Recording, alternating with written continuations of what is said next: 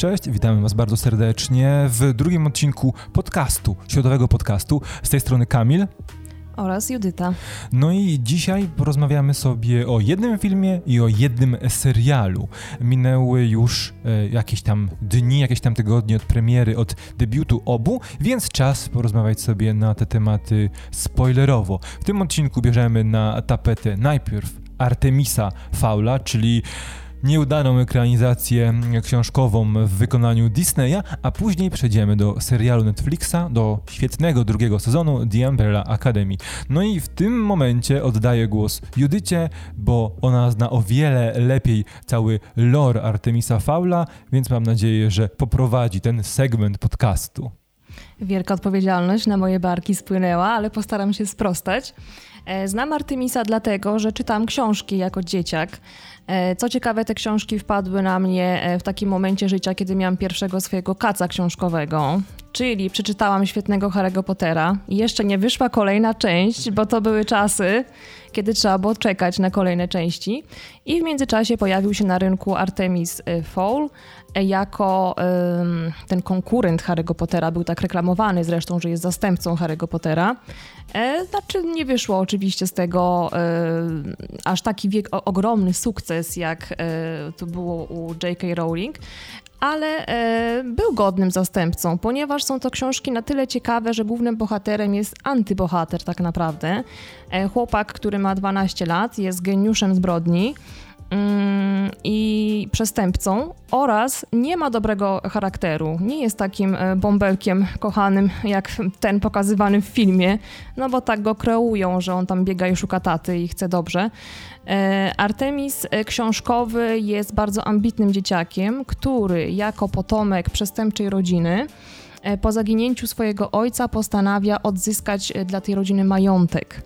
E, czyli chce okraść wróżki, które mają ogromne ilości złota. Dlatego porywa właśnie Holly niedużą i takie są jego motywacje. E, jego, mama żyje, więc nie jest sierotką, tylko jego mama jest chora. No ale w filmie e, zrobili z niego środkę chyba dlatego, żeby łatwiej było z nim sympatyzować, no i żeby ta matka tam się nie plątała i nie przeszkadzała, czyli żeby scenariusz był łatwiejszy.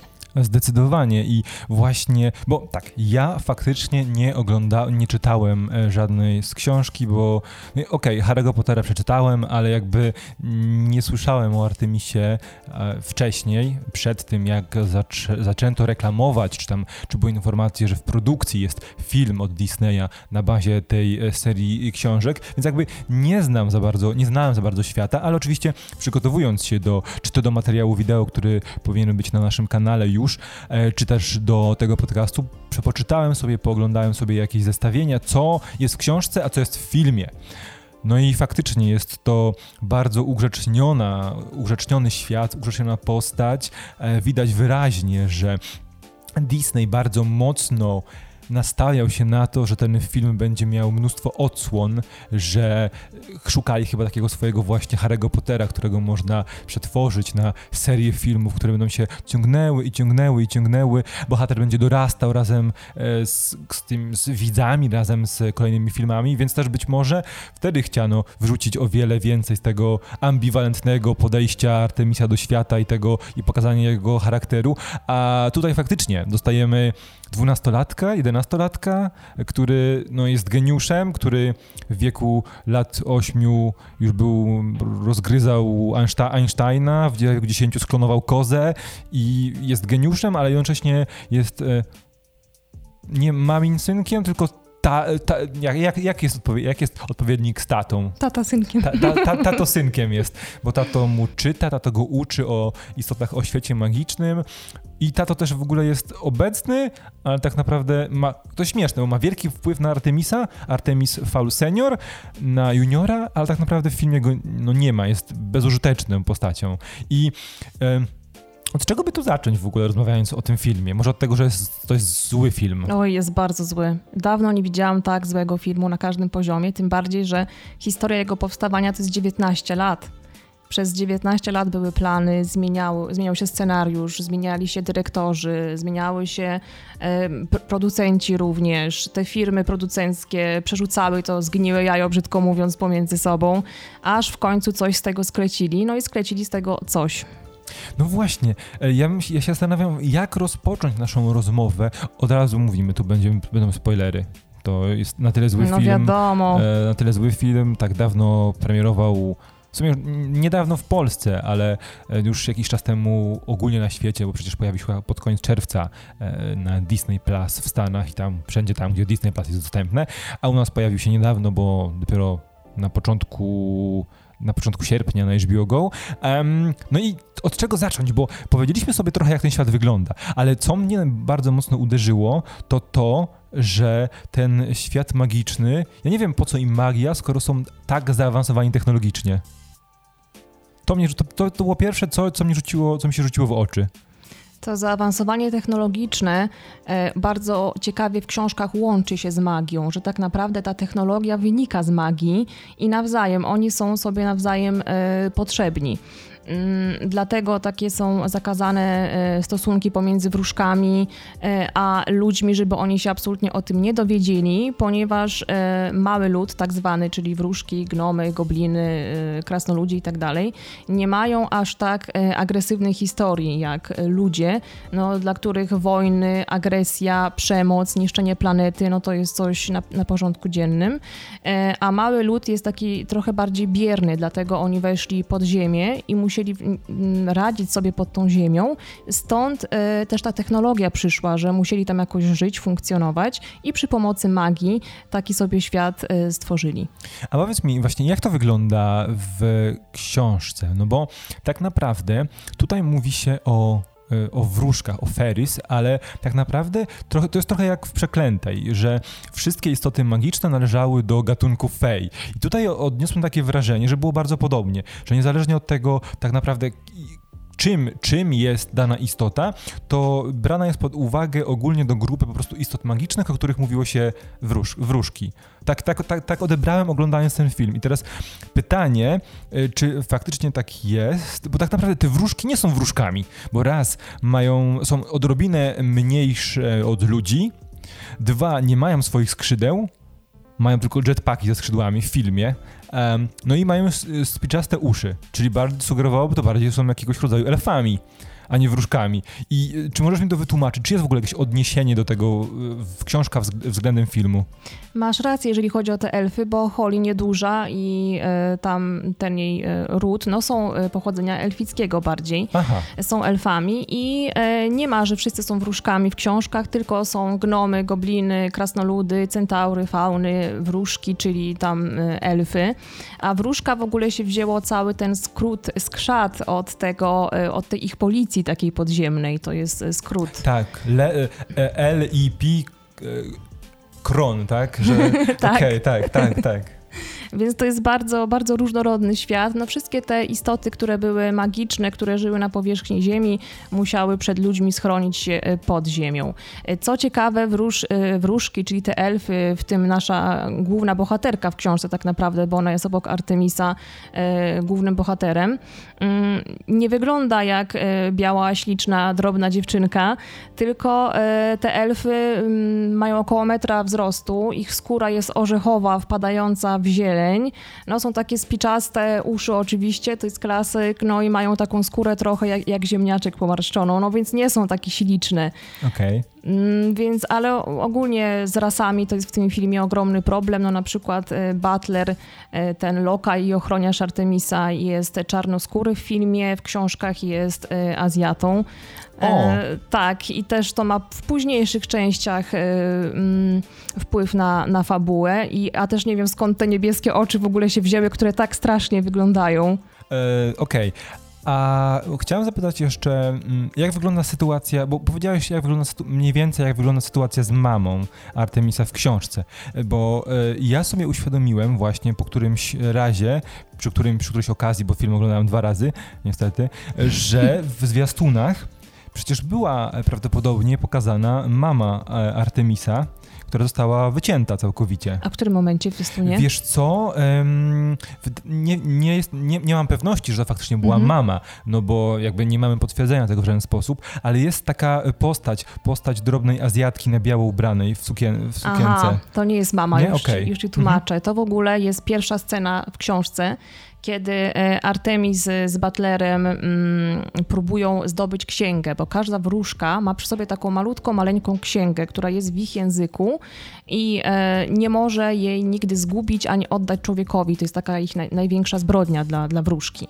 I oni trafiają na wróżkę w Wietnamie, e, która no, jest alkoholiczką, więc jest poza tym małym ludem i dla ludzi pracuje, tam próbuje ich uzdrawiać i no, jest w takiej ciężkiej sytuacji bardzo. I oni właśnie ją wykorzystują w ten sposób, że e, szantażują ją, że my ci zwrócimy mm, wolność od tego alkoholu, jakąś tam substancją magiczną, jeżeli ty nam oddasz tą księgę. No i ona się nie zgodziła, żeby jej oddać, ale on zdążył porobić zdjęcia telefonem, no i tam dało się ją skopiować, a ten moment, kiedy ona tak rozkwita w tej białej sukni, to jest kiedy pozbywa się tego alkoholu ze swojego ciała i e, może, e, może wrócić do tego małego ludu. Tylko, że w książce to jest obrzydliwa scena, bo pozbywa się tego alkoholu e, w nieprzyjemny sposób, no ale w filmie no, było pięknie, ładnie, Przodem kolorowo. Z każdej strony. Okej, okay, widzicie, możemy się czegoś, czegoś nowego nauczyć podczas rozmowy. E, a może jeszcze przejdziemy do, do tych rzeczy, których nie ma w książkach, bo y, rozumiem e, z tego, co wyczytałem i też prawdopodobnie zaraz potwierdzisz, że w książce nie ma ani e, naszego gimika, naszego McGuffina, czyli Akulusa, Okulusa, Akulusa. Ten film miał trzy nazwy. E, I prawdopodobnie nie ma też, albo nie w pierwszym tomie, tego e, antagonisty tego filmu. Tak. W ogóle ten antagonista pojawia się w czwartej części. Okej. Okay. Więc nie wiem w ogóle skąd to było wzięte. No musiał być główny z Wall, czyli najprostsza. Tak. ojej e, najprostszy taki chwyt y, scenarzysty, tak, że musi być ktoś, przed kim e, nasi bohaterzy muszą się bronić, e, walczyć przeciwko niemu i go na końcu pokonać oczywiście widowiskowo. E, tej postaci nie ma w pierwszych co najmniej trzech tomach na pewno. Mm, a jeszcze o czymś wspomniałeś? O Akulusie. Tego, tego to już w ogóle nie ma nigdy. Nie nie ma wielkiego złotego żołędzia. Nie, nie ma wielkiego złotego żołędzia. Motywacją Artemisa jest po prostu okraść wróżki z zasobów ich złota. No dobra, a wiesz co, bo tak, y, bo teraz przechodzę trochę do samego filmu, na, do jego konstrukcji, bo ten film ma tylko 90 minut, 89 tam z sekundami, więc to jest krótki film, to jest taki, ta granica tego feature film, e, ale jednocześnie on według mnie, ja tak, ja tak go odebrałem, i jemu tam brakowało finałowego aktu. Bo to było tak, że było zawią szybkie zawiązanie, szybkie pokazanie nam e, świata i tego, jaką postacią jest Artemis. Później wszystko się działo podczas oblężenia tej e, Faul Me Menor i i tej walki z, z, z, tym, z tą grupą dowodzoną przez Judy Dench. I w międzyczasie działy się jeszcze inne rzeczy. Oni się dowiadywali pewnych rzeczy, Holly tłumaczyła Artemisowi, Artemis wyczytywał różne rzeczy z ksiąg ojca, później wpadł ten e, postać Josha Gada, też powiedziała im pewne rzeczy, e, Gad rozmawiał z Judy Dench o pewnych rzeczach, jakby było mnóstwo ekspozycji w trakcie walki. I to ja miałem wrażenie, że, no bo teoretycznie w filmach tego typu, filmach familijnych, filmach akcji, w filmach fantasy, w filmach science fiction, bo to są wszystkie gatunki z, z, wymieszane i połączone w jedną całość, to jest tak, mamy wprowadzenie do świata, mamy konflikt, poznawanie świata, właśnie za, za, zawiązywanie się sojuszy, poznajemy głównego złego, są jakieś przeszkody naszej drużyny, na naszej drużyny i na końcu jest wielka walka finałowa. No i później jest rozwiązanie i epilog ewentualnie mający służyć temu, że jakieś wątki na przyszłe filmy są ustanawiane. Tak to działa normalnie. A tutaj wyglądało na to, że drugi i trzeci akt są połączone do kupy i nic z nich nie wynika. Tak naprawdę. Jeden wielki chaos, to jest prawda, że jest jeden wielki chaos i ekspozycja z każdej strony, czyli bohaterzy muszą ci tłumaczyć o co chodzi. Tak. Co jest takim najtańszym chyba chwytem, że nie potrafią twórcy inaczej pokazać wydarzeń. To jest przedziwne, bo e, być może to wynikało właśnie z tego, że w tym czyśćcu scenariusz te, tak długo leżał, tak długo został przepisywany, że w końcu trzeba było tyle powycinać, tyle chcia, chciano powiedzieć, a jednocześnie trzeba było te rzeczy pozmieniać, powycinać, że to jest jakby, pokazuje, że tam to jest po prostu jeden taki, taki patchwork, no nie, posklejane różne wersje do kupy i najwięcej można było po prostu świata nam pokazać przez usta bohaterów, więc do tego się jest tyle ekspozycji, to, to jest też trochę związane z tym jak taka, taka praca produkcyjna takiego filmu może trwać i jak długo może trwać. E, ale bolało mnie bardzo to, że my tak naprawdę nie widzimy żadnego rozwoju tych postaci, E, mimo że na końcu Artemis i Holly są przyjaciółmi z jakiegoś powodu, że Artemis, mimo że przez cały film nie zdradzał w ogóle żadnych zakusów do bycia antagonistą, na końcu przedstawia się jako criminal mastermind. Tak, nie wiem z czego to było... wynika. Nie chcę brzydko powiedzieć, z czego to było wyciągnięte. No, no właśnie. Tylko dlatego, że tak po prostu powinno być, bo tak jest według książki, według oryginału. I trzeba było go przeprowadzić z miejsca A do miejsca B, ale w sumie właśnie tylko ekspozycją i jakimś nagłym nagłą zmianą sumienia, charakteru, niczym niewytłumaczalną. I ja jestem e, ciekawy, co ty o tym sądzisz, jako ktoś, kto jest zapoznany z książką. Czy e, widzisz bo przyjmijmy, sobie tak pomyślmy sobie pięknie, tak e, oczywiście mam nadzieję, że nie ma to nic związanego z rzeczywistością, że miałaby być kolejna część e, tego filmu. Więc jak tak naprawdę, z czym nas ta pierwsza część zostawia? Bo tak naprawdę zostawia nas z niczym. I nie wiem, co mam więcej powiedzieć, tak naprawdę. No to prawda, zostawia nas totalnie z niczym, zostawia z taką furtką, że może powstanie kolejny film.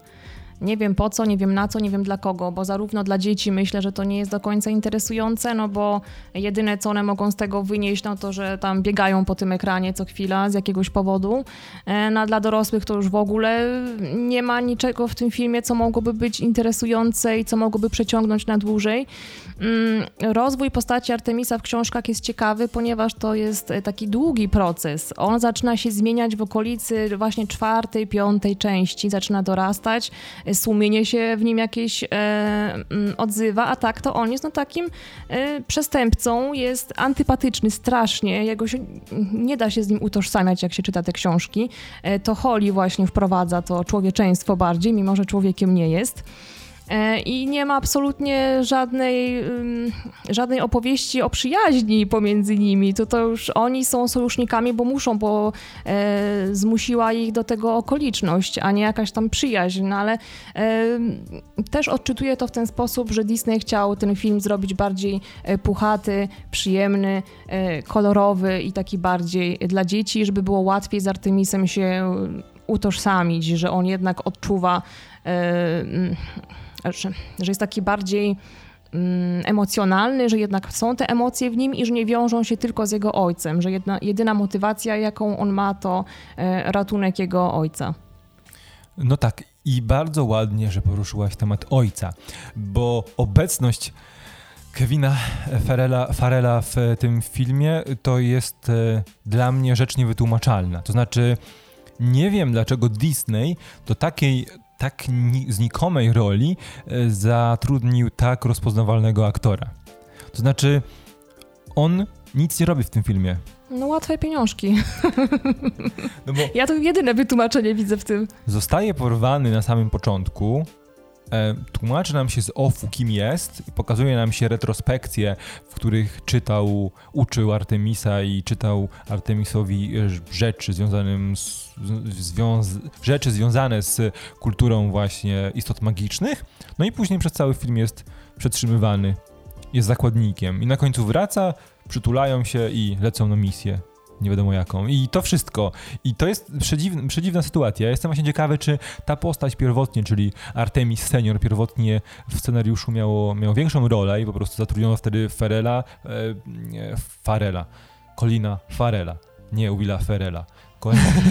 E, to, chociaż to byłoby ciekawe, gdyby... Oj, to byłby dużo lepszy film wtedy. Myślę, że tak. Jeszcze jakby zaśpiewał coś. Ja, ja ding dong. tak. to był o wiele lepszy film.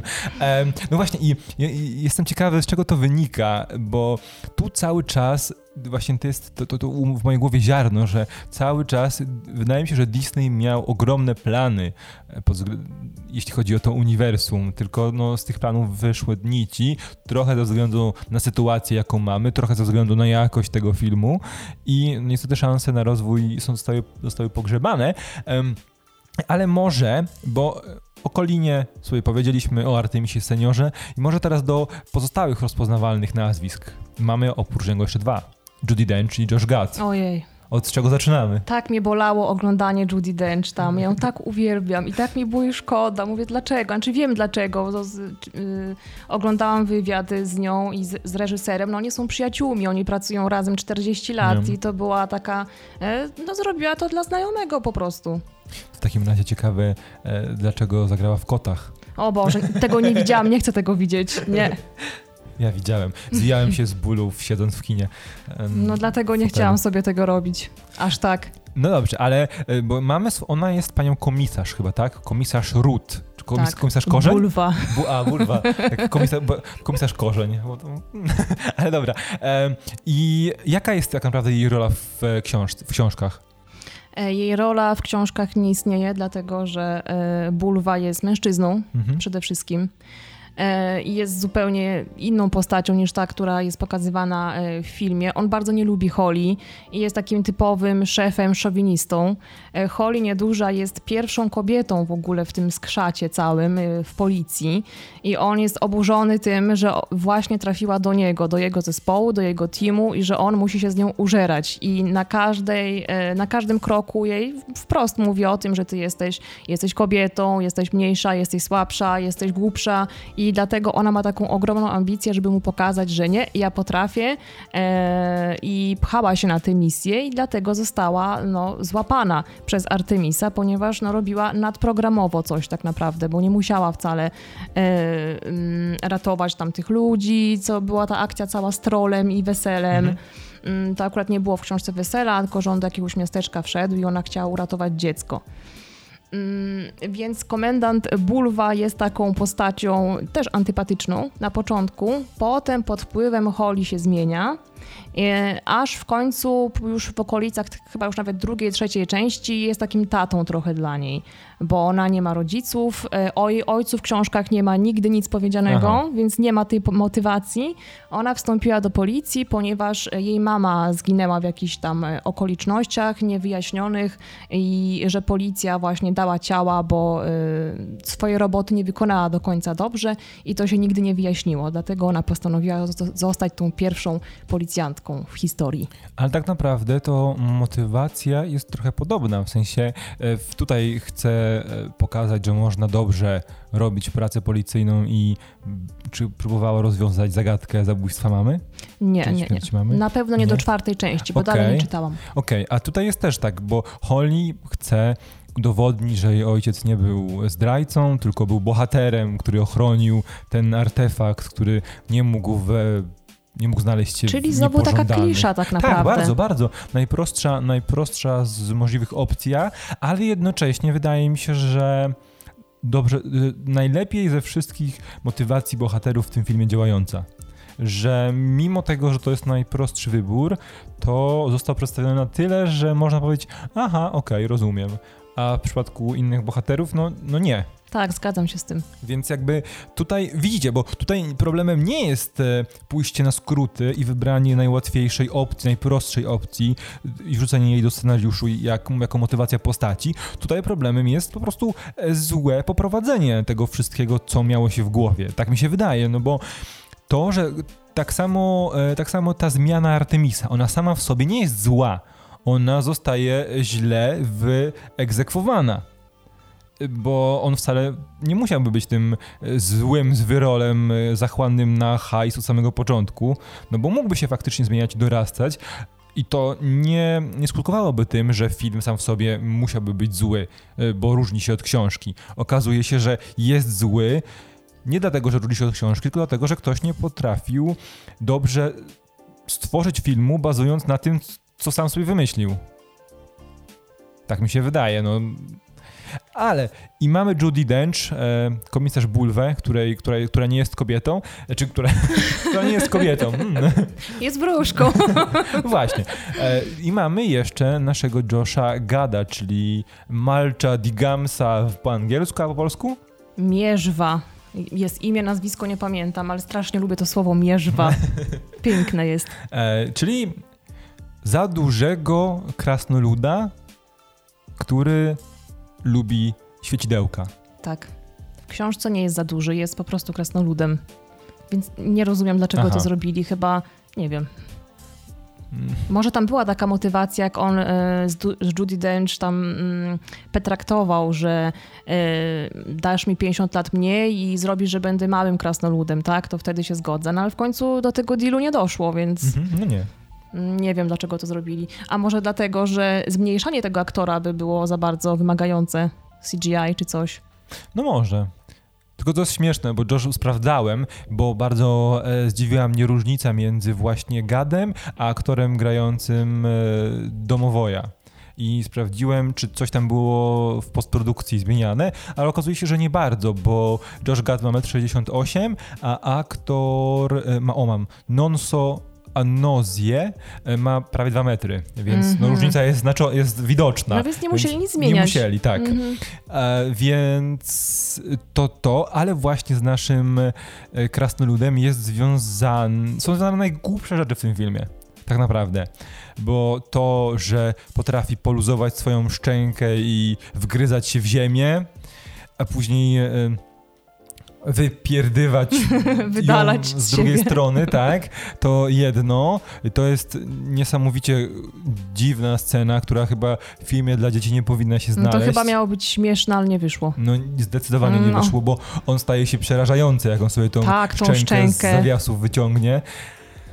Tak. E, I co istotniejsze, wydaje mi się, z perspektywy tego, jak ten film jest opowiadany, jaką ma konstrukcję narracyjną, no to on jest narratorem całości. I to tak dziwnie stworzon, stworzonej narracji, bo to, że że wiesz, że narracja, że narracja jest prowadzona trochę tak w połączeniu właśnie z ekspozycją, prowadzona przez jakąś postać, która odgrywa jakąś tam rolę w filmie, to jest naturalne. Często w tych złych, gorszych filmach, w tych filmach bez pomysłu. To, że coś dzieje się, post, że narracja jest post factum, też nie jest niczym nienaturalnym. Ale to, że mamy przebitki na naszego krasnoluda, który mówi prosto do kamery i sceny są czarno-białe w stosunku do kolorowego filmu, to było już niepokojące. Tutaj chyba ktoś chciał wprowadzić jakiś element psychodeli, bo nie wiem, albo nad, nadprogramowego artyzmu, bo ja nie rozumiem. Psychodela ten, dla dzieci. co ten. Tak, co, kraina grzybów. Co, co, ten, co ten zabieg miał dodać temu filmowi? Powiedz mi, ja, mo, może ty masz jakiś pomysł, bo nie, ja nie rozumiem. Też tego nie rozumiem, ale w ogóle przez kogo on był przesłuchiwany? Przez ludzi? Przez, yy, przez ten, ten skrzat cały? Przez o co w końcu chodzi? O przed kim oni go ratowali? Widzieliśmy tylko kamerę.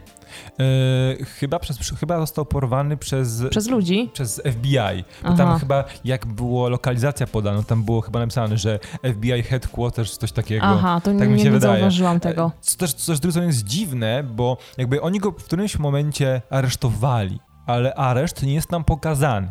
I później mówi się nam, że to wszystko była część planu Artemisa. Po co on tam siedział, żeby to opowiedzieć chyba? Tak, żeby, żeby była narracja. No bo skoro e, wszystkim zależy na tym, żeby ludzie nie dowiedzieli się o istnieniu istot magicznych, no to dlaczego on się tam znalazł i o, o tym opowiadał? To jest brak logiki tutaj. Totalny brak logiki, jak w całym tym filmie, no wszystko w nim jest nieudane.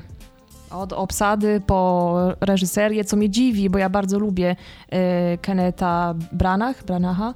On jest, no on ma takie skłonności trochę szekspirowskie, bo on jest aktorem szekspirowskim, tak. ale przecież on y, jest twórcą Tora pierwszego. Y, kilka lat temu Kopciuszek wyszedł też y, spod jego rąk, więc on umie w te takie bardziej baśniowe, legendarne tematy i robi to w fajny sposób, a tutaj wszystko mu nie wyszło. Mm. Szkoda. No właśnie jestem ciekawy, czy na którymś etapie już zrezygnował, już powiedział, już odpuścił sobie robimy chyba. to tak jak tak, chcecie. już podpisałem te papiery, już niech będzie. No.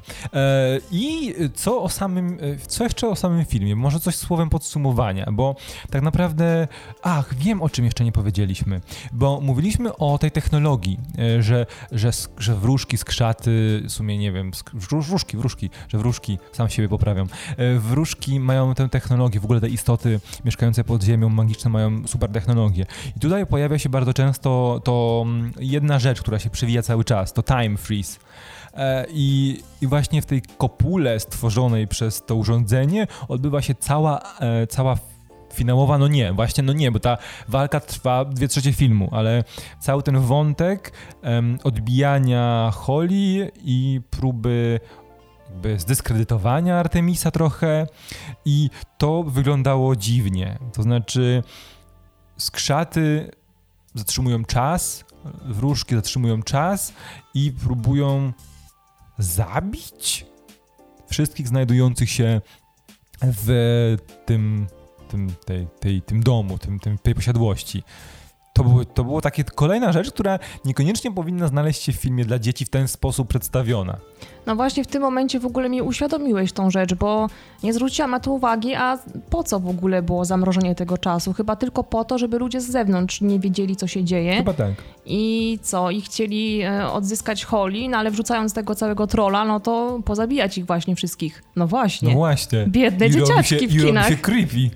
Skandal. Bo jakby wrzucając tego trolla, e, chyba nikt nie myślał o tym, że ten troll zabije wszystkich oprócz Holly. Mm, tak, no na pewno. No nie, więc... I jeszcze, o wiem, o, której, o jakiej postaci musimy powiedzieć. O... W książce siostrze, jeśli dobrze, dobrze zrozumiałem, mhm. a w filmie siostrzenicy y, domowoja Butlera, czyli mhm. o Julie? Tak, Julie. tak. tak. O, o, dziew, o, o dziewczynce, która, o której wiemy dwie rzeczy. E, w sumie trzy. E, jest dobra w sztuki walki, jest bardzo miła dla wszystkich i umie robić dobre kanapki. I w sumie tyle o niej wiemy. No idealna dziewczyna po prostu. E, no, także to, to, pokazuje, bo czy ta postać ma, jest w jakikolwiek sposób ważna dla fabuły książkowej? Ta postać jest w książce, jest siostrą Butlera, w ogóle jego imienia się nie używa w, w książkach. Aha. On jest tym butlerem i w ogóle słowo butler po angielsku jest no od... tak, ale mhm. właśnie, a tutaj jest od początku. Przecież nasz właśnie, narrator właśnie, mówił, tak. że nikt do niego nie mówi butler, mimo że jest w sumie butlerem, mhm. bo nie lubi tego i można mu się narazić, a w książce jest odwrotnie. Odwrotnie, wszyscy na niego mówią butler. On jest dumny z tego nazwiska, to jest cały ród, który powstał tylko po to, żeby służyć e, tym e, foulom, nie? Więc i są specjalnie szkoleni od urodzenia i jak na przykład jakiś e, się nowy foul nie pojawi na świecie, to oni tam pracują jako w wywiadach i tak dalej, na całym świecie są rozrywani przez takie właśnie tam mm, stowarzyszenia różne, stowarzyszenia. Wy, wywiadowcze. Tajne, tajne stowarzyszenia. Tak, sekretne. E, I Julia jest siostrą Butlera, jest nastolatką, w pierwszej części ma około 15-16 lat. E, I ona jest tej posiadłości, żeby się opiekować mamą Artemisa, która no, jest, e, ma problemy psychiczne, nie wychodzi ze swojego pokoju, odkąd zaginął ojciec, więc to trwa jakoś ponad rok nawet. I, no i dba o jej bezpieczeństwo. No i w trakcie książki oczywiście, jak jest ta cała zadyma, no to pomaga bohaterom. No dobrze. E, czy my mamy jeszcze jakieś wątki, o których chcielibyśmy porozmawiać? Bo wydaje mi się, że ja już opowiedziałem o wszystkim, ale być może ty masz jakieś notatki, albo coś ci się przypomniało, albo jest coś z książce, z książki, czego nie ma w filmie, o czym chciałabyś powiedzieć? E, chyba już mniej więcej wszystko powiedziałam, co tam się działo w pierwszym e, tomie. E, no może to, że e, ojciec Artemisa e, nie jest żadnym tam archeologiem, poszukiwaczem artefaktów i tak dalej, tylko jest przestępcą, po prostu zwykłym przestępcą, znaczy zwykłym, no takim miliarderem przestępcą, że to już jest na wysoką skalę i on zag, zagina, przepraszam, on gubi się w taki sposób, że walczy z rosyjską mafią i to ta rosyjska mafia rozwala jego łódź, ponieważ on jakieś tam ma powiązania z nimi, i przez to gubi, gubi. Co mam z tym zagubieniem dzisiaj? To jest absolutny jakiś skandal. E, traci dużo, dużo kasy na tym i dlatego Artemis stara się tą kasę odzyskać i stąd ta żądza pieniądza u niego. Ale wiesz co, ja sobie o tym właśnie myślałem, ale my tak naprawdę nie wiemy, czy ta postać filmowa Artemis Senior na pewno jest tym kustoszem sztuki, tym e, zdobywcą tych artefaktów, bo może to jest tylko przykrywka on też tam jest przestępcą. No możliwe. Może takie były plany, że... Możliwe, że w kolejnej części, która mam nadzieję, że nie powstanie... okazałby się przestępcą. Tak, i byłoby to ciekawsze. A jeszcze mam tako, takie jedno yy, zauważenie do tego. Już zaczynam się gubić w słowach, że Czy ty myślisz, że lepsza obsada by ten film pociągnęła mimo wszystko? Bo na przykład gdyby główną rolę zagrał nie taki, no trochę bąbelek, no trochę bąbelkiem jest ten aktor, bo on ma 12 lat i widać, że on jeszcze jest taki niedoświadczony, ale na przykład e, ten, który grał piątkę e, w The Umbrella Akademii, to jest Gallagher, Aiden mhm. Gallagher. Przecież on był, był genialny w tej roli. A on jest chyba już za, sta- za Ma 15 lat, więc mogliby trochę tam postarzyć ewentualnie tą postać, żeby też nie było, że mały chłopiec tam jest... Tak samo jak Percy Jackson też mhm. został postarzony w filmach. No tak. Które też nie wyszły dobrze. No, no mhm. więc. Okej, okay, no to słowo podsumowania, bo to jest kolejny film, w ogóle to jest ciekawa zależność. Filmy, oryginalne filmy Disneya, które nie są adaptacjami baśni, e, przeróbkami live action, e, animacji, no ostatnio nie wychodzą, ale to jest też ciekawa rzecz, że one, jeśli Disney wie, że nie wyjdą, no to nie ma ich w polskiej dystrybucji kinowej. Bo tak samo przecież było z tym filmem poprzednim z Chrisem Pine'em i Oprą Winfrey i Reese Witherspoon, jak on się nazywał? E, coś z pędzą czasu było. E, Fałda czasu, fałdka czasu, coś takiego było. No, coś takiego. To też Ale poszło też od razu w internet tak, chyba. Tak, nie było od razu, mhm. była pierwotnie, miała data dystrybucji, ale na dwa tygodnie chyba przed premierą Disney wycofał dystrybucję w Europie bo stwierdził, że stracili za dużo kasy, więc raczej jej nie odzyskają. A i tak uważam, że jest lepszy ten film od, od Artemisa, więc... Pułapka czasu? Pułapka czasu? Bo to też na podstawie książki, książka to była e, fałdka e, czasu. A, Wrinkle in Time, taki jest oryginalny tytuł. Tak, tak. I tak to przetłumaczyli na fałdkę. Nie, no po polsku jest pułapka czasu. Pułapka czasu. No ale książka jakoś tam była, nie wiem co. Ale się... czemu to, to, zmarszczka czasu była, była ładniejsza? Fałdka. No Fałdka. Okay. Fałdki też są piękne. Okej, okay. i teraz przechodzimy od Artemisa, ale mamy jeden motyw przewodni, bo przechodzimy do serialu, w którym gra aktor, o którego przed chwilą wspomniałaś. Aiden Gallagher. Bo porozmawiamy sobie o drugim sezonie The Umbrella Academy, serialu, który no zrobił dużo zamieszania, robi nadal dużo zamieszania i chyba całkiem słusznie. E, powiedz mi na początek, co myślałaś o tym serialu po pierwszym sezonie? Próbuję sobie przypomnieć, co myślałam. e, znaczy, to był. Od początku mi się ten serial spodobał. Mhm. Chociaż zasiadałam do oglądania tego, że o kolejnych superbohaterach i w ogóle dzieciaki, nuda, ale okazało się, że to bardzo, przede wszystkim to jest super zrobione i widać, że pieniądze, które są w to włożone, są wykorzystane dobrze i, i ciekawie. Ten muzyka jest genialna, muzyka to już w ogóle chyba jest na oddzielny nawet temat, jeżeli chodzi o, o ten serial. E, I, i, montaż, i te postacie, i, i, scenariusz, i tam wszystko pasuje i, i się ze sobą łączy. No, bardzo fajny serial, ale y, nie był jako mój ulubiony, a po drugim sezonie to chyba właśnie wskoczy do tych moich ulubionych. No właśnie, bo, bo on, on ma taką fajną cechę, rzadko spotykaną w tego typu e, produkcjach, że pierwszy sezon jest ok, i zostaje zauważony i wszyscy mówią, że okej, okay, mhm. ale dopiero drugi serial powoduje, że faktycznie jesteśmy przekonani do tego serialu. Z reguły bywa zupełnie odwrotnie. Tak. Z reguły bywa tak, że pierwszy sezon szokuje, powala, e, wszystkich, e, wszystkich zadziwia, a kolejne sprawiają, że uważamy, że no jednak ten jeden sezon wystarczył, motywy się ograły, potencjał został wymaksowany i teraz nic nowego się nam nie opowie. Na przykład, o, na przykład z, z Sabriną tak było, tak uważam. Pierwszy sezon był sezonem idealnym, miał dużo elementów horrorowych, oglądało się bardzo dobrze, bardzo świeżo, a później coraz bardziej przypominało e, chaos, przypominał Riverdale, więc e, jakby tendencja spadkowa. Jeśli chodzi o na przykład, mm, w sumie nie, chciałem powiedzieć o, że to Marvelowe, ten to Netflixowe Marvele, ale no nie, tam jak film, jak serial był zły, to był zły, a jak był dobry, to był raczej tak, dobry. Tak. Więc tutaj to nie był dobry przykład, ale to jest chyba taka, e, taka coś, bo to też bywa czasem tak, że po prostu po raz kolejny widzimy to samo i stwierdzamy, że e, A tutaj natomiast jest zupełnie odwrotnie. Pierwszy sezon był dobry i, e, i, byłem bardzo ciekawy. Po pierwszym, bo ja, moja historia jest taka w tym seriale. Po pierwszym sezonie, który mi się spodobał, przeczytałem wszystkie dostępne e, zeszyty komiksu, bo ten komiks wychodził, je, jeszcze wychodził, jego trzeci tom, w momencie, kiedy serial już miał swoją premierę. I doczytałem mniej więcej dwa pierwsze, dwie, dwa, dwa tomy były wydane, więc przeczytałem dwa tomy, plus jeszcze chyba dwie trzecie zaplanowanych zeszytów trzeciego tomu. Więc ja wiedziałem, że e, w serialu w pierwszym sezonie były, było dużo elementów już i z pierwszego, i z drugiego tomu e, komiks, komiksowego, więc zastanawiało mnie, w którą stronę pójdzie e, ta seria. I okazało się, że ten główny zalążek fabularny, albo bardziej niż fabularny, to mm, umiejscowienia w czasie i przestrzeni.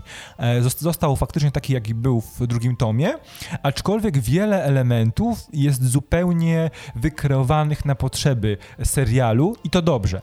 Dlatego, że e, komiks skupia się na tych fantastycznych, popapranych przygodach, a nie na budowaniu świata i budowaniu postaci. Na czym z kolei skupił się serial, bo to jest zupełnie inne medium i wydaje mi się, że to był strzał w dziesiątkę.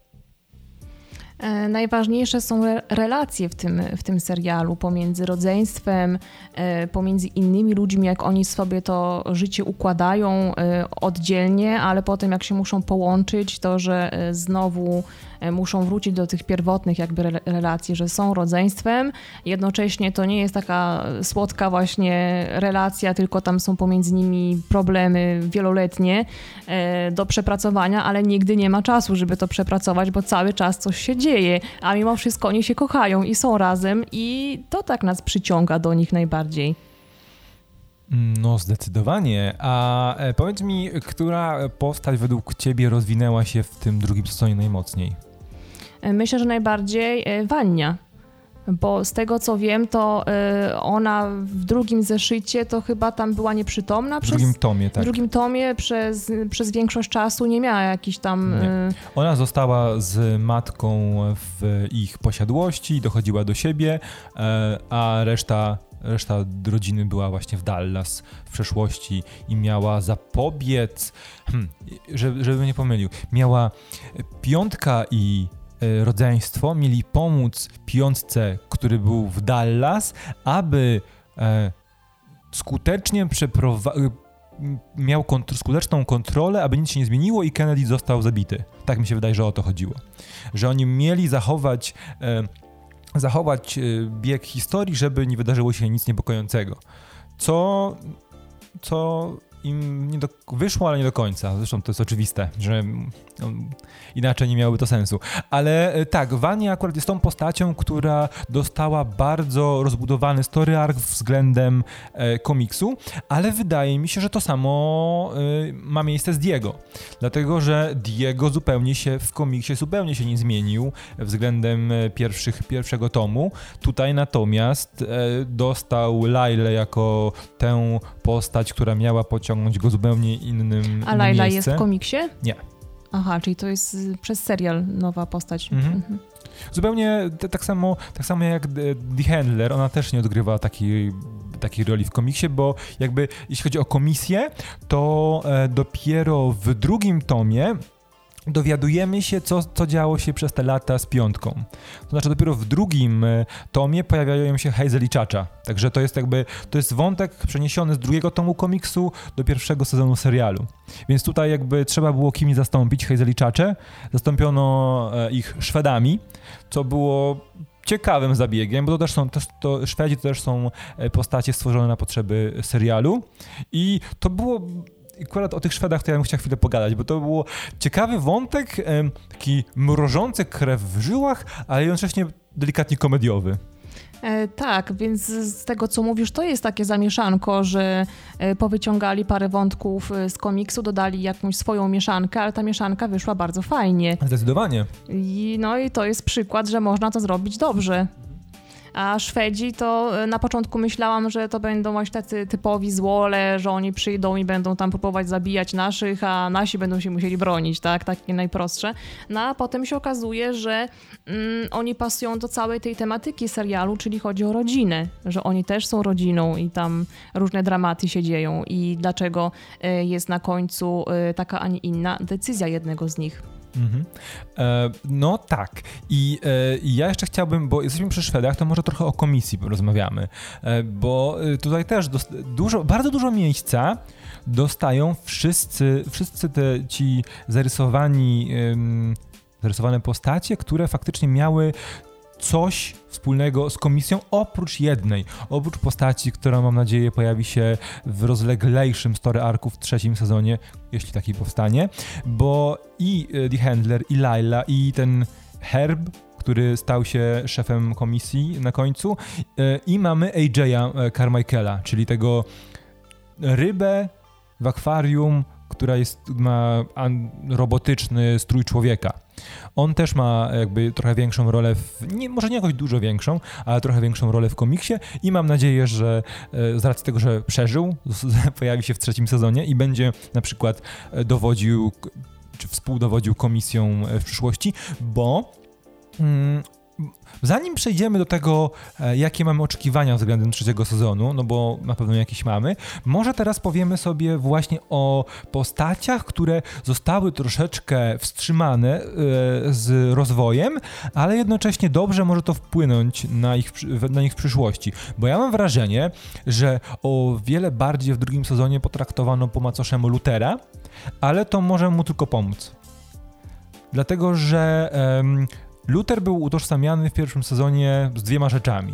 Z tymi rozległymi daddy issues e, i z e, dziwną, siostrzano-braterską miłością, miłością do Alison.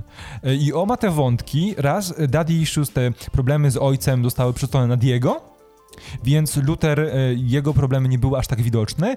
Dwa, przez to, że Alison miała męża, ten wątek romantyczny to też został delikatnie wygaszony. Mimo, że widzimy, że darzą się uczuciem, ale nie w taki sposób, jak to było pokazane w pierwszym sezonie. Ja mam wrażenie, że to była słuszna decyzja, bo to też może poprowadzić Lutera w przyszłości w bardzo ciekawą stronę. Zwłaszcza, że nie wykorzystano historii komiksowej, bo e, Luther jako przywódca, jako jedynka czuł się bardzo winny za to, co stało się wyzwaniem w komiksie e, i przeszedł transformację w stylu, w stylu Tora. E, tylko czytałem właśnie, że showrunner stwierdził, że wyrzucamy ten wątek tego, że Luther zajadał swoje poczucie winy, ze względu na to, że wydaje się zbyt podobny do tego, do story arku Tora w Endgame i zostawiamy to na bok, co też wydaje mi się słuszną decyzją, więc to jest ta postać, która chyba troszeczkę została spowolniona też ze względu na to, co działo się w, w kinie w ogóle, tak jak, tak jak wspomniany Thor, e, a też chyba um, kazirostwa nie, nie chciano rozwijać, e, tej, tego elementu, tej historii bohaterów, więc wydaje mi się, że to było dobre. Nie wiem, czy myślisz podobnie, czy masz inne zdanie? Znaczy myślę podobnie i y, myślę też, że oni próbują y, na ten księżyc jednak powrócić, że będzie w trzecim sezonie akcja z tym księżycem, no bo y, ich ojciec po drugiej stronie księżyca, Musi tej ciemnej... być, właśnie do tego chciałem, do tak, tego przeszli, on, przejdziemy na pewno. Tak, a on był na tym księżycu i właśnie wydaje mi się, że będzie pełnił większą funkcję w, ko w kolejnym sezonie. A tutaj taki trochę był comic relief często, tak. ale te daddy issues też się no tak, tak, ukazywały, tak. szczególnie w stosunku nawet do brata, co piątkę zszokowało. To była bardzo fajna scena. I a co powiesz o piątce? O, o tym, bo on się raz, że e, to jest ciekawa rzecz, bo ka e, każde z rodzeństwa pomiędzy pierwszym, główną akcją pierwszego sezonu, a główną akcją drugiego sezonu dostało co najmniej kilka miesięcy, w którym przebywało w tym Dallas, w różnych, co najmniej od kilku miesięcy do trzech lat, jak Klaus, e, i mogło rozwinąć się i też zmienić. Piątka natomiast spędził kilka dni w 2019 roku i kilka dni w 63 roku. Więc on nawet nie miał za bardzo czasu, aby się rozwinąć. On jest cały czas e, tym samym 45-latkiem w, w ciele 15-latka, tylko że dzięki temu on jest też na, motorem napędowym całości. Gdyby on miał czas się zmienić, dojrzeć, zrozumieć pewne rzeczy, to prawdopodobnie akcja nie byłaby taka szybka. I jakby z logicznego punktu widzenia nie, byłaby tak, nie mogłaby być taka szybka. Byłaby pewnie, ale nie miałoby to większego sensu. No piątka to jest akurat moja ulubiona postać, no i aktor jest genialny. Ja zapominam, że to jest dzieciak oglądając to, tylko widzę tą postać, gdzie on ma tam chyba właśnie 50 parę już nawet, czy 40 parę lat I on jest takim motorem, aż jest go szkoda, bo on nie ma naprawdę chwili oddechu ani w tym pierwszym sezonie, ani w tym, znaczy w pierwszym no, miał trochę lat w, w apokalipsie będąc, ale w drugim to już w ogóle. E, I też taki plan na niego jest, myślę, że troszeczkę go spowolnią tym razem żeby ta dynamika postaci nie, nie, była taka powtarzalna, bo zarówno w pierwszym sezonie, jak i w drugim mamy e, tą obawę przed tym, co zrobi Wania, e, tak i tutaj mamy e, z nim, co on zrobi z tą linią czasową. No tak, zgadza się. A który, który z odcinków albo który ze story arków podobał Ci się najbardziej? Wani i Alison. Okej, okay. to mi się akurat chyba najbardziej podobał wątek, łączony, łączony wątek Klausa i Bena. E, bo też czułem, czułem też, że to, że to pożegnanie Bena z Wanią będzie skutkowało jakimiś reperkusjami, bo aktor na pewno pojawi się w przyszłości w serialu, no i faktycznie tak jest.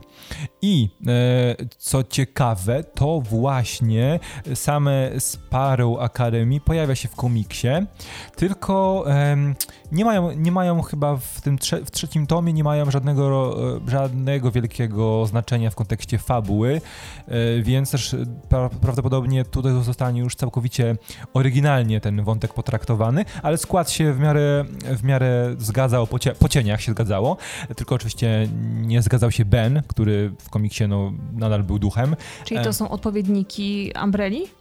Nie. No, nie, inne postacie, to są inne nowe. postacie, mm -hmm. zupełnie inne postacie i też naprawdę, tak naprawdę niewiele można o nich powiedzieć z komiksowego punktu widzenia, bo część z nich pojawiła się na kilku, w kilku tych paskach yy, i nawet nie pokazano nam, jakie mają moce. Część część z nich. Więc można tylko spekulować i pewnie twórcy wymyślą to po swojemu. E, ale teraz możemy przejść do spekulacji. Czy masz, czy oglądając ten e, sezon, już sobie myśląc pewnie już kilkukrotnie na temat tego, co się w nim wydarzyło i jak ten, ten świat może się zmieniać, czy masz jakieś oczekiwania względem trzeciego sezonu? Znaczy, mi cały czas dudnił ten księżyc w głowie, że coś będzie grane w tym trzecim sezonie e, z księżycem. E, I jako tako nie mam żadnych e, oczekiwań wielkich. Chcę, żeby mnie znowu po prostu zaskoczyli. Mam nadzieję, że nie będzie e, znowu obaw przed Wanią, że ona już sobie tą e, moc w sobie nauczy się kontrolować i chyba Ben ją nawet nauczył. I cieszę się bardzo, że Ben wreszcie miał e, ważny wpływ na fabułę bo on troszeczkę był takim, mm, gdzieś tam za tym Klausem był, e, ale nie do końca miał wpływ na, na, na rzeczywistość, a to pożegnanie było takie wzruszające. E, I to on popchnął tak naprawdę do przodu fabułę w tym momencie. No tak, doprowadził do tego, że apokalipsa wcale nie miała miejsca, więc faktycznie. Ale tak. Mm, odnośnie e, moich oczekiwań, to Właśnie znając historię komiksową i widząc te kilka elementów w trakcie trwania całego drugiego sezonu, z całą pewnością mogę powiedzieć, że tak, że e, znajdziemy się na Księżycu ponownie, aczkolwiek to będzie troszeczkę się różniło od e, historii komiksowej, dlatego że drużyna, nasze rodzeństwo, rodzina Hargreavesów podróżowała w kosmos ale o wiele dalej niż Księżyc w historii komiksowej, więc to trzeba zmienić, bo pewnie właśnie dlatego, że Luther zna Księżyc, więc to będzie jakby bardzo i wiedzieliśmy, że Reginald ma pewne sprawy na Księżycu, więc pewnie do tego wrócimy. E, właśnie zresztą to to cała organizacja, w której, którego był, członka, był członkiem, jak oni się nazywali? Coś tam 12. Um, Fabulous? Nie, nie, nie, nieważne. Ta, e, to też jest, też jest organizacja wymyślona na potrzeby y, serialu, ale oni powiedzieli, w tej scenie były dwie ważne rzeczy. Raz, że są szemrane interesy po ciemnej stronie Księżyca yy, i za moment możemy, w sumie już teraz możemy, mogę powiedzieć. Chodzi o to, że w komiksie Reginald y, trzyma w, dzięki temu, że ma jakieś urządzenie do teleportacji, y, trzyma w dalekim zakątku wszechświata na jakiejś odległej planecie w, w czymś, co nazywa się Hotel Oblivion, trzyma super złoczyńców. Hotel, który tak naprawdę jest więzieniem. I nasza drużyna musi tam w jakimś celu podróżować. Nie pamiętam w jakim, ale to nie jest na razie istotne. I druga ważna rzecz, czyli prawdopodobnie to więzienie będzie znajdowało się po prostu na Księżycu w serialu i być może Luther pilnował tych więźni tak naprawdę, w te więźni, więźniów, więźni, tych złoczy, złoczyńców, złoczyńców, być może tam trzymano i Luther ich pilnował. To była część jego misji na Księżyc, być może. E, a druga rzecz to ta, że Reginald Hargreaves nie jest człowiekiem. I to widzimy, off zdejmuje maskę, która jest maską twarzy, trochę jak Mission Impossible e, i off-screen załatwia wszystkich członków tej organizacji, której, do, której nale, do której należą. I to też jest element komiksowy. To znaczy dowiadujemy się, że Reginald był kosmitą, który przybył na Ziemię po prostu sobie eksperymentować i trzymać pieczę nad ludzkością. No i prawdopodobnie to też będzie miało miejsce w, w, trzecim sezonie, aczkolwiek może być trochę inaczej oczywiście poprowadzone ze względu na to, że spoilery od 10 minut, e, że e, po powrocie do 2019 roku okazuje się, że tato żyje. E, więc tutaj historia może potoczyć troszeczkę inaczej, aczkolwiek wydaje mi się, że te elementy, że te elementy będą wspólne, bo to też są duże takie, te takie kamienie milowe, które jeszcze zostały do odhaczenia względem komiksu.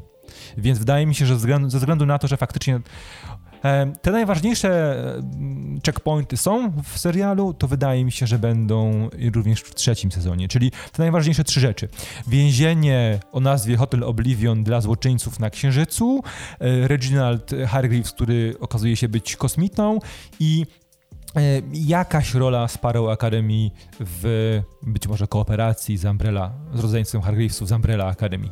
To są takie chyba trzy rzeczy, które wydają się być bardzo prawdopodobne. No to jest mega ciekawe, co mówisz, bo ja komiksów nie czytałam, czytałam tylko pierwszą część, nie zeszyt.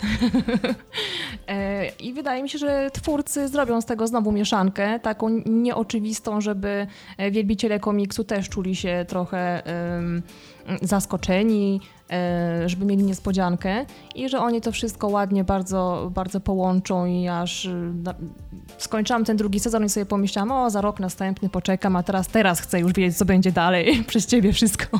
Wiesz co, najśmieszniejsze jest to, że e, właśnie skoń, skończono wydawać nie tak dawno trzeci tom komiksu i nie ma na razie informacji, aby kolejny miał się pojawić, więc prawdopodobnie może dojść do sytuacji e, znanej z Kryotron, czyli po prostu tworzenia serialu w jedną stronę, a komiksy, które być może będą się ukazywały po e, zderzeniu się osi fabularnych obu źródeł, komiksy mogą pójść zupełnie inną stronę, więc to jest też ciekawa rzecz. No możliwe, że tak zrobią, no ale ja ufam bardzo tym twórcom, bo widać, że wiedzą, co robią i robią to bardzo ciekawie, więc czekam z niecierpliwością na kolejny sezon.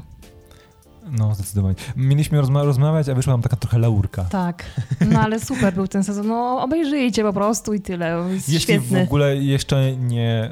Już w trakcie powinniście no słuchania oglądać. nie wiem, jaki typ słuchacza mógłby przesłuchać całości podcast, a dopiero później zabrać się za oglądanie serialu. bo za dużo tutaj było, za dużo tutaj była... E, o, wiem o czym jeszcze chcemy powiedzieć, bo ja chcę o tym powiedzieć. O Laili bo e, już ja wiedziałem, ja się bardzo szybko zorientowałem, kim Laila jest. To znaczy, Laila jest jedną z, jednym z, dzie z, dzieci urodzonych w tym tego 1 października 89 roku, tak jak całe nasze rodzeństwo Hargreavesów. Bardzo szybko się y, domyśliłem, bo było powiedziane, że w roku 93 miała 4 lata. Mm -hmm. e, I że wtedy. A tak, wyczaiłeś, tak, proszę wtedy, bardzo. Że wtedy ta kierowniczka po polsku ją przygarnęła. Więc sobie odjąłem, że to 89, czyli skoro jest istotna dla fabuły, no bo jest cały czas przy Diego, cały czas przy piątką, ma jakieś tam polecenia od swojej przybranej mamy, no to prawdopodobnie no, jest tym magicznym dzieckiem i okazało się, że no jest tym magicznym dzieckiem, tylko nie podobało mi się, nie podobają mi się jej moce, to znaczy to było e, takie bardzo ograne, bo zawsze jest tak, że jak masz na przykład em, origin jakiegoś superbohatera, to z reguły jego przeciwnikiem jest zły bohater o tych samych mocach. No i to Mhm. było identycznie, no nie tylko, że Laila miała inną moc niż nasi, nasza rodzina Hargreavesów, ale ta moc pozwalała im posiadać wszystkie ich moce, więc to jakby to samo. Ale też to jest trochę dziwne, bo ona za jednym zamachem może mieć jedną tylko moc, jednej osoby. Tak, by to wygląda tak. Bo tak, to wyglądało podczas tej walki. Bo chodziło chyba o to, że musi być w bliskim kontakcie. że musi być blisko, osoby, więc osoby. sama jakby nie ma żadnych mocy. No i mocą jest naśladowanie mocy. Czyli taka rok jakby z tego, z Wolverina, tak? Ojejku, z X-Menów. No, Bo ona też jak dotykała jakiegoś mutanta, to wtedy przejmowała jego moce. mm, no w sumie. No coś takiego podobnego, korzystanie musi dotykać. Ale jestem ciekawa też, bo tych dzieci było ponad 40 z tego co pamiętam, tak? 43 Mm, chyba? Tak, tak. E, Więc może będą wprowadzać kolejne dzieciaczki. No ja zakładam, że całe I to Sparrow będzie Academy, ciekawe. no to są też właśnie ci, czyli że jakby Reginald wybrał innych. Tak. Że Reginald, jakby ja mam wrażenie, że to jest ta sama linia czasu, tylko em, zmieniona przez to, że nasze rodzeństwo weszło w 63 roku w interakcję z Reginaldem. On stwierdził, że, że wybierze inne tak. dzieci. tak, dokładnie. No to jest ciekawe, co No. mówisz. Kurde, no przyszłam tutaj, mówię, o za rok sobie obejrzę kolejny sezon, a teraz już mnie nakręciłeś, widzisz? Niech szybko to robią. Niech szybko. Szybciutko. Ale w ogóle nie ma jeszcze oficjalnej informacji odnośnie Wiem, szukałam No, właśnie nie ma. nie ma jeszcze, ale na pewno myślę, że tak się dobrze ogląda. Chyba tam był e, drugi e, w Netflixie jako najlepiej oglądany serial. weekend. W W weekend jako tak zajmował w, na polskim, e, w tej takiej tabelce. Top, Mhm. top 10 było na drugim miejscu, tak. No tam rzucam okiem czasem. Znaczy jak zobaczyłam 365 dni na pierwszym miejscu, to wtedy się załamałam, ale widzę, że te nowości takie serialowe też wysoko są. Te fajne takie.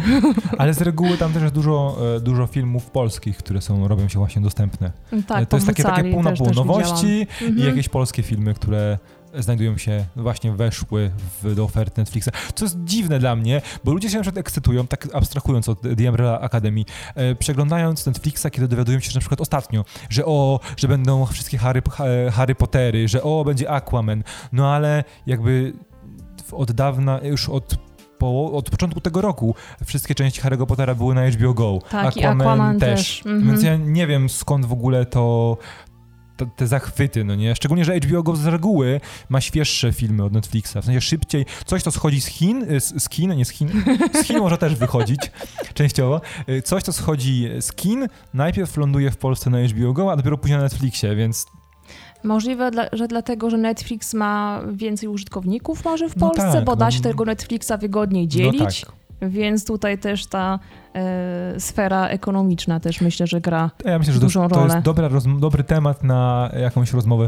na przyszłość, zdecydowanie. też tak myślę, więc tematów myślę, że nam nie zabraknie. No to Baranku, co, kończymy odcinek? Oczywiście kończymy, było bardzo miło, dziękuję tutaj, wspaniałe towarzystwo przede wszystkim i mam nadzieję, że dacie znać, co wam się podobało i jakieś może uwagi co do mojej obecności tutaj. Ja myślę, że na razie jest. Ja, ja daję na razie y, pl- plusa, to jest drugi odcinek, daję drugiego plusa i wiesz, nazbierasz 10, plu, 10 plusów, dostajesz kawę gratis. Wow, dzięki, jak w koście kiedyś. Będziesz miała stempelki. E, Okej, dziękujemy Wam bardzo serdecznie. To był drugi odcinek takiego prawdziwego podcastu, e, w którym rozmawialiśmy sobie o Artemisie i o dobrym drugim sezonie The Umbrella Academy. No i e, czekamy na Wasze opinie, na Wasze zdanie na temat tego, o czym rozmawialiśmy, na temat też formatu podcastu. Może chcecie więcej newsów, mniej, e, więcej tytułów, mniej, nie wiem, godzinę, w godzinę nie dwa tytuły, ale na przykład pięć.